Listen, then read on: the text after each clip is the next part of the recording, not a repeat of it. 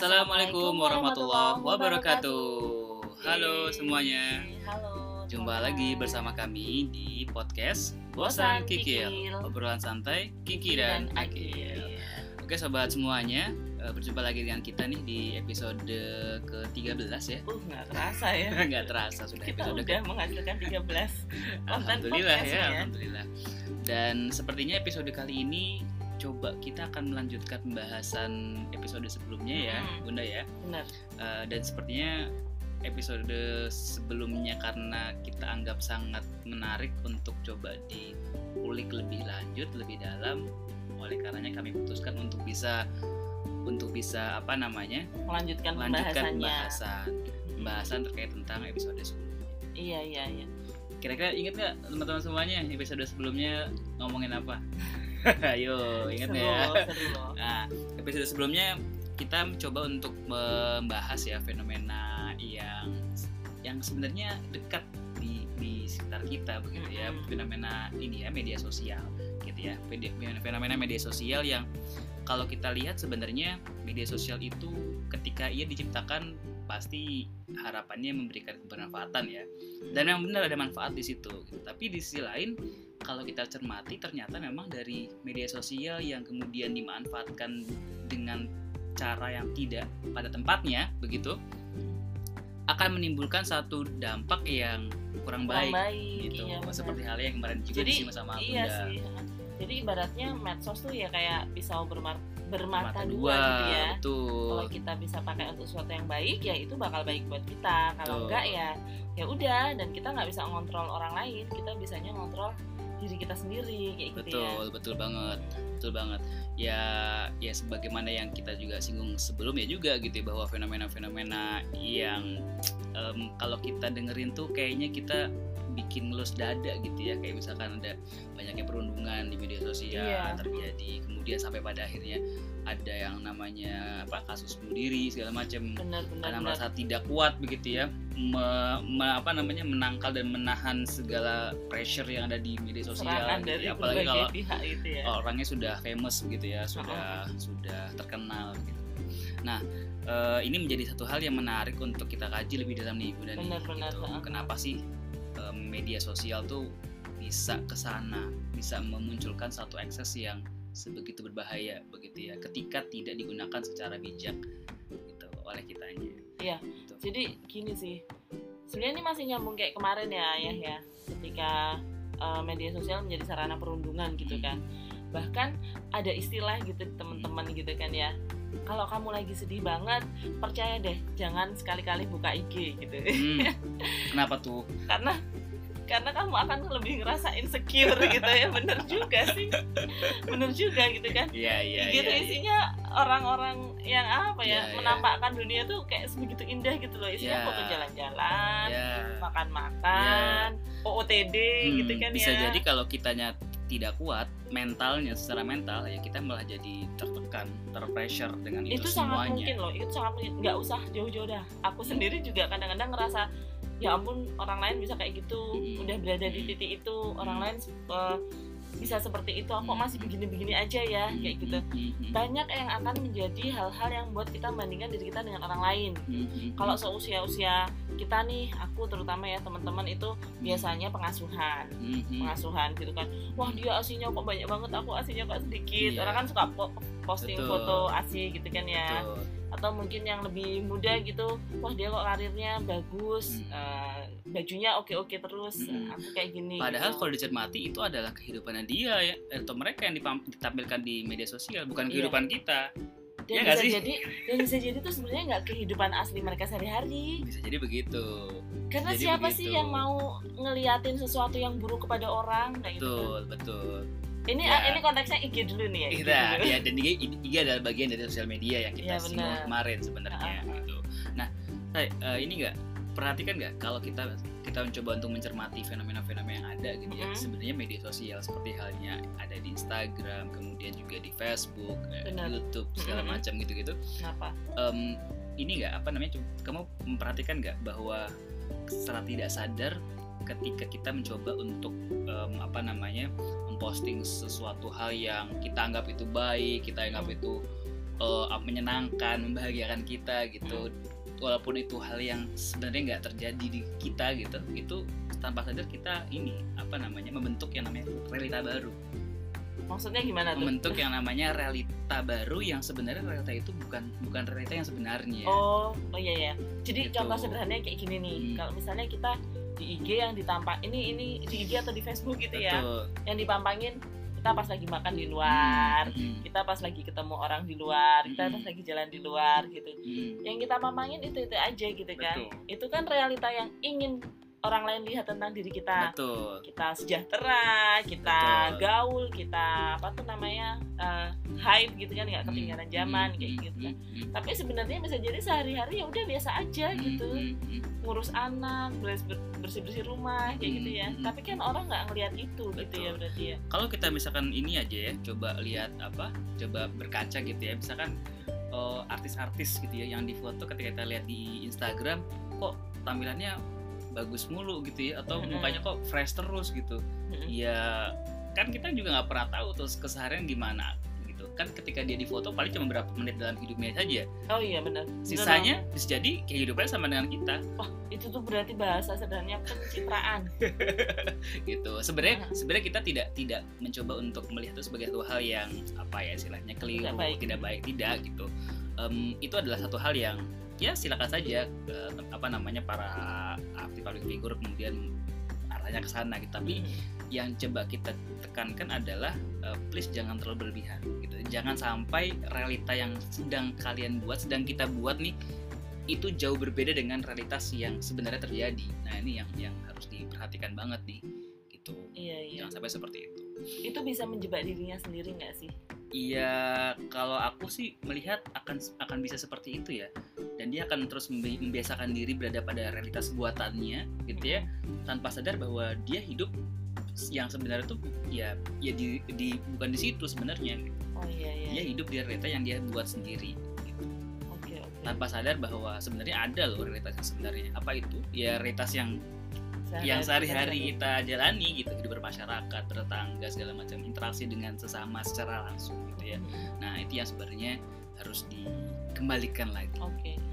Ini dari tadi kan kita ngomongin eh, realita yang tidak sebenarnya Hmm, gitu kan hmm, ya hmm. hiperrealita gitu kan Hmm, kalau dari aku sebagai orang awam tuh yang lihat hiperrealita tuh realita yang berlebihan gitu hmm, kan ya hmm, hmm. tapi sebenarnya hiperrealita tuh kayak gimana sih kalau Nah. Gimana Ini ngomongin hiperrealita, nah tadi ini ya eh, Bunda singgung juga nih di awal ya eh, ngomongin terkait dengan hiperrealita. Nah hiperrealita ini sebenarnya sederhananya adalah realita yang sengaja dikonstruk begitu ya Mm-mm. untuk menutupi atau untuk me, apa ya dengan istilahnya tujuan tertentu dengan juga. tujuan tertentu gitu ya untuk me- menutupi realita yang sebenarnya oh gitu. gitu.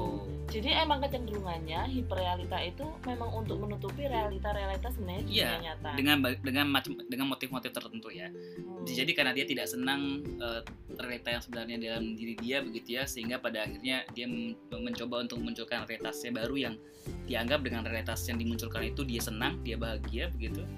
Atau untuk motif-motif yang itu saya ekonomi oh, iya. gitu. Bisa jadi ke situ. Karena kalau kita bicara tentang ini kita bicara coba teori ya Hmm. terkait terkait nah, hiperrealitas. Hiperrealitas itu sendiri kan sebenarnya ini ya eh, adalah satu gagasan ya yang kalau saya tidak salah dikemukakan oleh salah satu eh, pemikir ya dari Prancis Hmm. namanya Jean Paul Baudrillard. Aduh, Wah, susah banget namanya. Eh, itu di awal abad ke-20 ya 1900-an begitu.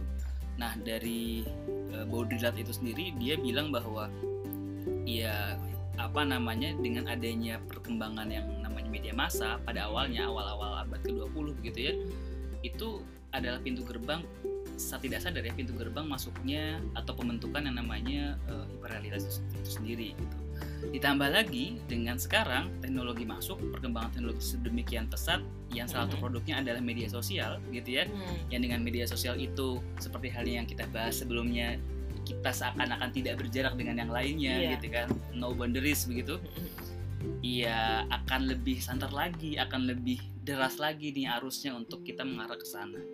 Nah kalau kata Baudrillard sendiri sebenarnya dari zaman sejak zaman Renaissance gitu, eh, zaman zaman pencerahan di Eropa dulu gitu Iya, ya, sampai sekarang itu setidaknya ada tiga tahapan nih, tiga tahapan apa namanya uh, perkembangan atau pembentukan yang namanya hiperrealitas itu sendiri gitu kalau kata Baudrillard bilangnya gitu. Nah susah banget susah namanya banget ya. namanya emang ya. Nah uh, tahap pertamanya kalau dia bilang ada yang namanya tahapan counterfeit. Apa itu counterfeit? counterfeit itu adalah kita mengimaji kita mem- membuat imaji imaji atau image gitu ya kita Oh. membuat image oke oke terhadap sebuah objek yang itu apa namanya ya bahasanya ya eh, tidak terlampau berbeda dengan jadi kita objek yang sebenarnya oh. image-nya tidak jauh berbeda dengan jadi ibaratnya kalau misalnya di Hmm, di dunia kita sekarang ya udah kita mencitrakan dirinya sesuai dengan diri Betul, kita sehari-hari betul. kan kalau bahasanya dia gini image menutupi realitas gitu ya Hmm. Eh, sorry image bukan menutupi realitas image merupakan representasi oh ya ya image merupakan representasi dari objek yang sebenarnya jadi apa yang lu lihat di sosial media yaitu aku yang Ya, sebenarnya represent, berarti gitu kan. Dan image represent me. represent ya apa yang ditampilkan apa yang dirasakan sebenarnya di Oke. realita itu tahapan pertama dan Oke. itu masih masih Normal awal masih normal-normal aja memang Iya. memang memang sewajarnya seperti itu nah masuk ke tahapan yang kedua tadi tuh tadi agak salah tadi ya eh, tahapannya yang kedua itu image ketika image itu sudah menutupi realitas Hmm, yang seperti sekarang kita alami Em, banyak terjadi lah ya ya ya bisa Mhm. ke situ arahnya jadi ketika image yang kita buat citra yang kita buat sudah menutupi realita yang sebenarnya Iya. gitu. Nah, yang ketiga ini lebih ini lagi nih, Lebih lebih parah lebih lagi. dalam lagi nih gitu. Ketika image itu menggantikan realita realita yang sebenarnya. Kalau tahapannya kedua, bingung dong kita hidup di dunia yang mana ya makanya gitu. kalau yang kedua tadi aja kan istilahnya image itu sudah menutupi realita yang sebenarnya. Ditutupi Mm-mm. berarti kan realitanya masih ada nih, cuman ditutupi sama image, sama hal yang hal yang baru, realita yang kita buat.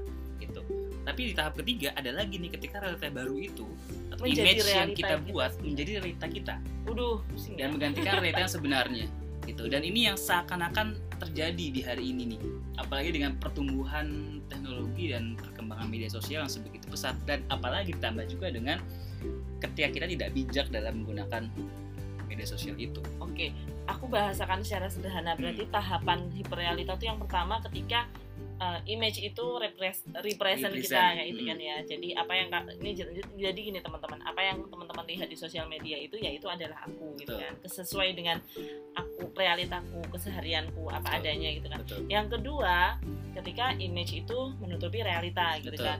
Ketika misalnya nih aku sengaja menampakkan realita-realita yang disukai oleh banyak orang Betul. supaya orang menyukai aku gitu Yes. kan dapat like dapat komen positif dapat support kayak gitu kan Hmm. padahal sebenarnya aku nggak gitu-gitu amat Hmm. gitu ya Hmm. yang ketiga ini yang bahaya banget nih aku membuat realita mencitrakan diriku seperti itu Hmm. dan aku terjebak dalam kehidupan yang Betul. seperti itu gitu kan Hmm. Padahal bisa jadi realita kita tuh nggak nyampe untuk ke sana gitu kan ya Hmm.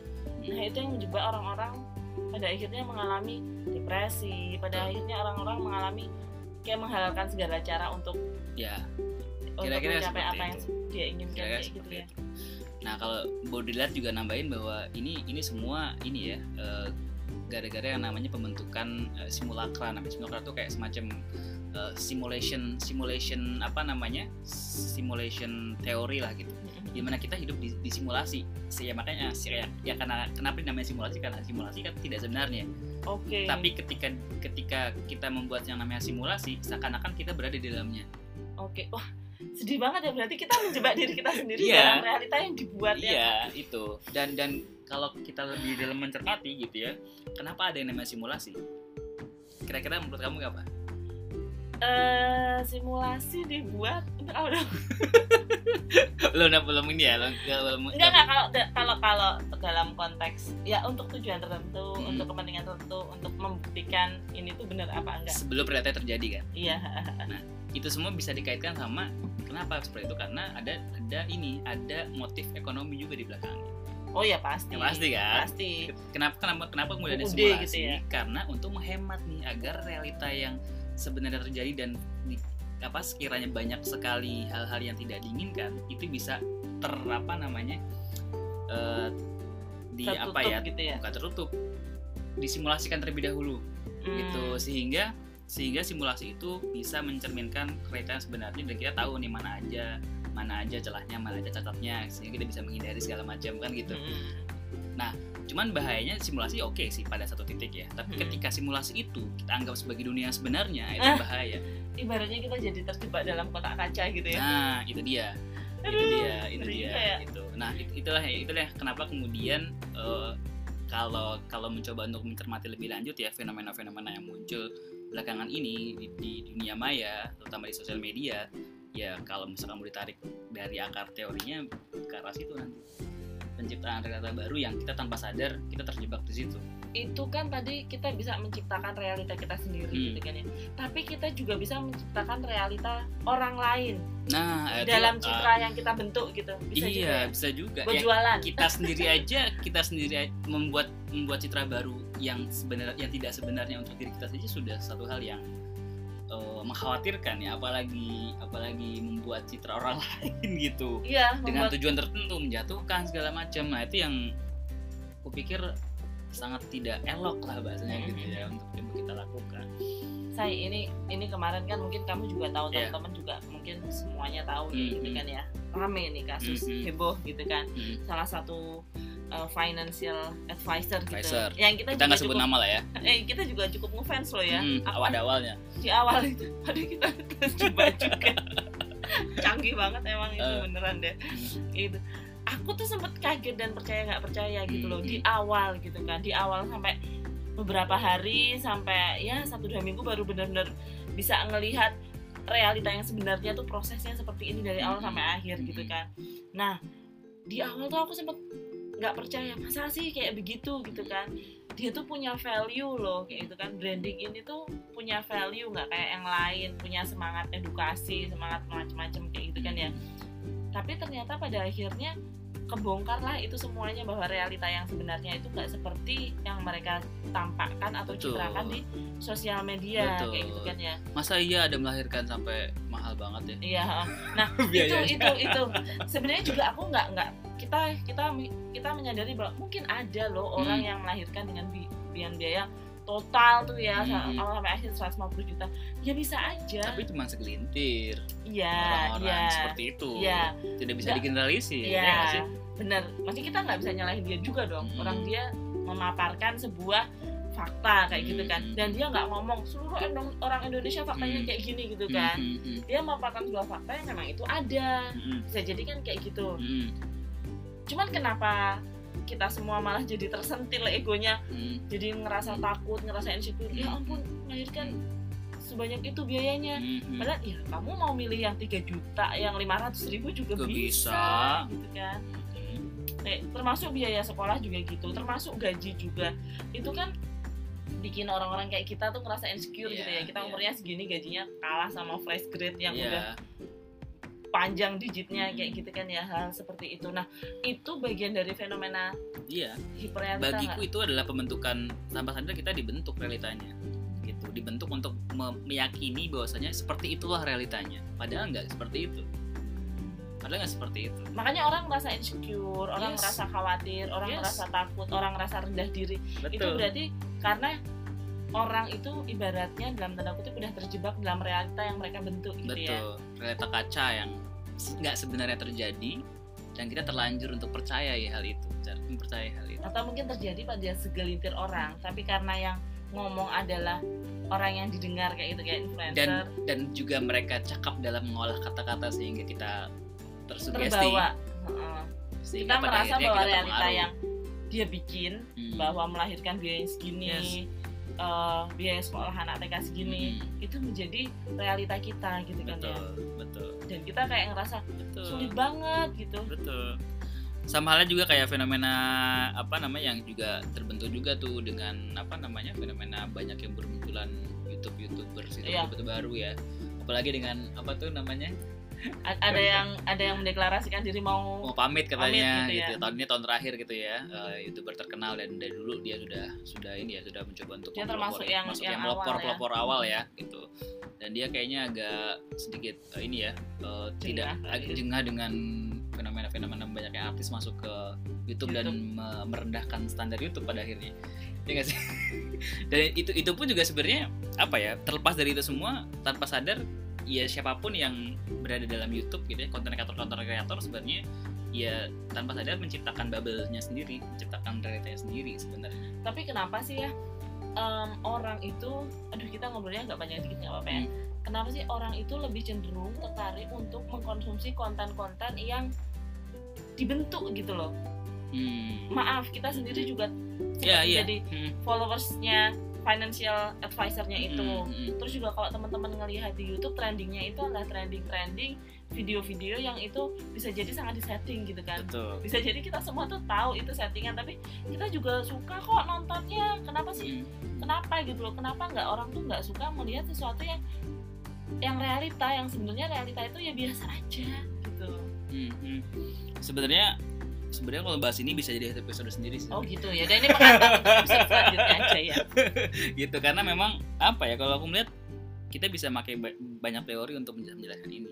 Oke. Teori yang kamu juga pelajari juga di psikologi juga bisa me- bisa mempengaruhi ini gitu. Karena Hmm. psikologi netizen itu itu juga bisa berpengaruh juga loh. Dan apalagi beda ya psikologi yang ada di netizen dengan yang ada di kita sebagai orang nyata gitu makhluk sosial Hmm. yang nyata gitu ya yang hidup bermasyarakat itu beda loh gitu kita di karena realitanya Iya, beda, beda gitu karena di net karena di di dunia maya gitu ya para netizen yang budiman ini gitu Hmm. tanda kutip ya akan akan jauh lebih ya berbe apa ya berbeda lah gitu berbeda cara menyikapi suatu objek berbeda cara menyikapi suatu isu menyikapi sebuah gagasan itu berbeda banget dengan dengan kita yang yang, yang Oke. sebenarnya gitu. berarti itu nanti kita bahas di sesi selanjutnya ya tapi iya kita nggak bisa memungkiri bahwa realita yang dibuat berlebihan itu adalah realita yang disukai oleh betul masyarakat. betul betul karena pada hakikatnya pun kita juga kan kita juga ya, tanpa sadar kan me- menyenangi hal-hal yang sifatnya unik menyenangi hal-hal yang sifatnya Bombastis, itu adalah gitu. bombastis menyenangi hal yang sifatnya itu adalah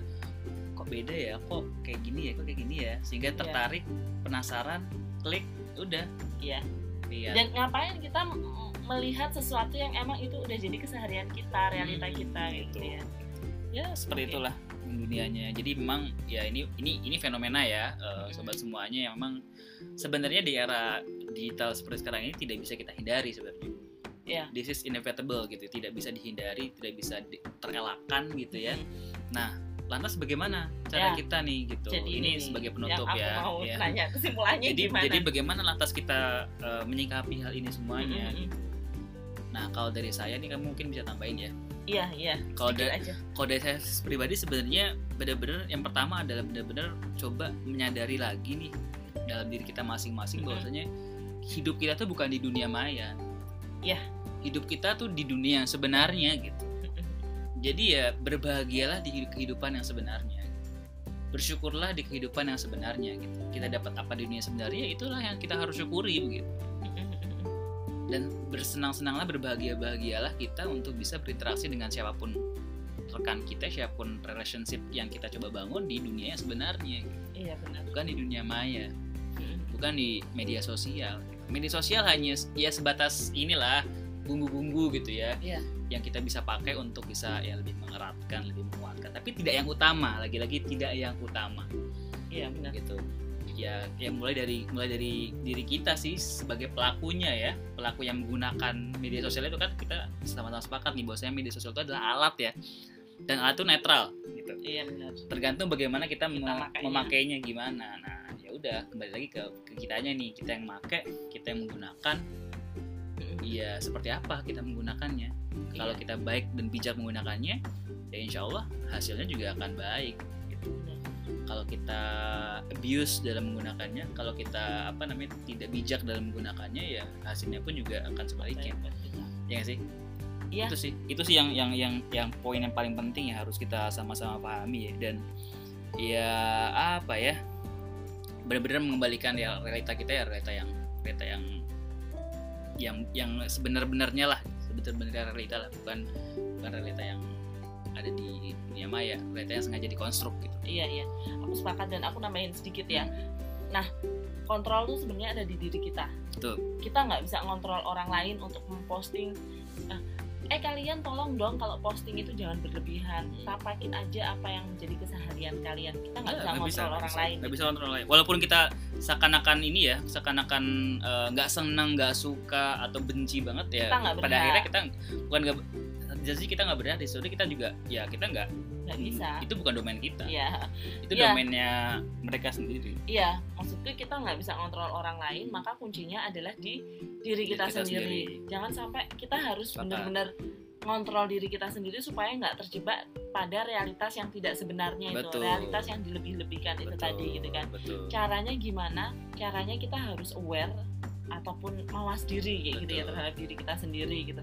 Jadi benar kalau misalnya istilah temanku, kalau misalnya kamu ngerasa eh, ngelihat sosial media itu udah ngerasa nggak nyaman, kamu ngelihat sosial media udah ngerasa semakin insecure, kamu ngerasa semakin nggak berharga, atau kamu ngerasa semakin tertinggal dari teman-temanmu, kasih jeda deh gitu kan. Ya, Kasih jeda. kasih jeda Stop dulu gitu kan. Nggak berarti kamu lepas rehat gitu rehat kan sejenak ya bahasanya rehat sejenak dari dunia maya kembalilah kepada kenyataan yang Hmm. sebenarnya kayak gitu atau bisa juga dengan membatasi gitu kan membatasi waktu kita untuk scrolling di Facebook Yes. dan IG kayak Yes, gitu kan betul yang kedua terus yang ketiga kita bisa memfollow akun-akun yang memang eh, itu bermanfaat dan Hmm.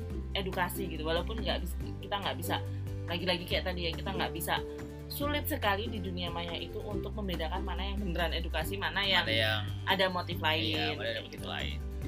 Emang nggak ya intinya kuncinya Iya, kontrolnya di kontrol diri kita sendiri, teman-teman. mawas diri gitu Hmm. kan. Kalau kamu ngerasa nggak nyaman aku ngerasa merasa kayak gini ya. Ya udah stop dulu lah rehat sejenak dari medsos kayak gitu kan ya. Nikmati kehidupan seperti yang tadi Mas Akil bilang nikmati kehidupannya kamu nanti kamu kembali lagi ke medsos kamu udah fresh dan kamu udah bisa berpikir secara bijak dan jernih. jernih kayak gitu kan ya secara logis gitu. Supaya nggak terjebak dalam realita-realita yang palsu gitu. Oke sip. Itu Mantap, paling sobat semuanya nggak terasa ya sudah 25 menit lebih nih kita. Ngobrol ke mana-mana ngobrol tapi setidaknya manfaat apa kita mencoba untuk ya tujuan kita ini ya mencoba untuk ya sama-sama kita refleksi lah ya sama-sama Mm-mm. mengingatkan diri kita masing-masing pun juga kita pribadi nih Mm-mm. berdua nih untuk termasuk ya, kita kayaknya kalau ya, kalau ngelola medsos juga diri jangan terlalu berlebihan gitu kali ya saya Hmm, ke situ arahnya. Oke deh teman-teman semuanya, sobat semuanya, eh, itu saja mungkin untuk episode kali ini Yeay. sudah banyak yang kita diskusikan dan semoga ini bermanfaat buat kita semuanya dan buat ta- kita berdua buat kita berdua juga gitu ya dan eh, pesan dari kami berbahagialah hidup di realita yang sebenarnya. Iya. Assalamualaikum Warahmatullahi wabarakatuh.